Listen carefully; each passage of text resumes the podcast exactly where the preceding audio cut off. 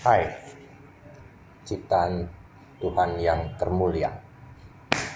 Saya tadi baru jalan-jalan ke Sambu, lihat mertua saya katanya kebanjiran di sekitar kedainya. Dan betul saja banjir.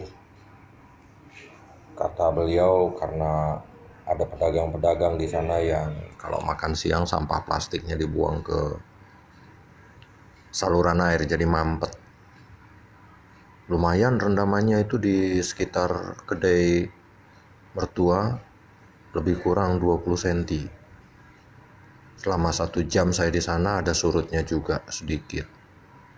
Tapi kalau cuacanya mendung seperti hari ini di Medan tentunya akan banjir lagi.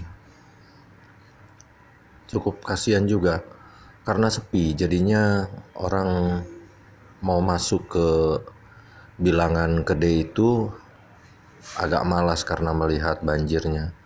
Begitu pula yang berjualan lumayan malas juga.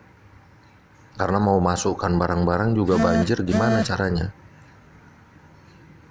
Ada juga yang meneruskan perjalanannya ke arah kedainya atau saung-saungnya dengan melipat celananya menggulung ta, uh, celananya untuk masuk ke dalam dan di tengah-tengah itu hampir selutut. Untuk masuk gang ini di gang. Jadi kedai mertua saya ini letaknya di apit. Di gang maksudnya diapit oleh gedung rumah tinggal. Rumah tinggal di jalan Nibung. Di antara rumah tinggal begitu. Lumayan sedih juga melihatnya belum lagi kondisi dingin. Tambah lagi mengingat umur beliau yang sudah 74 tahun tapi masih mau dagang di Sambu. Salut juga sih nggak ada kata lelah nggak ada kata bosan nggak ada kata menderita.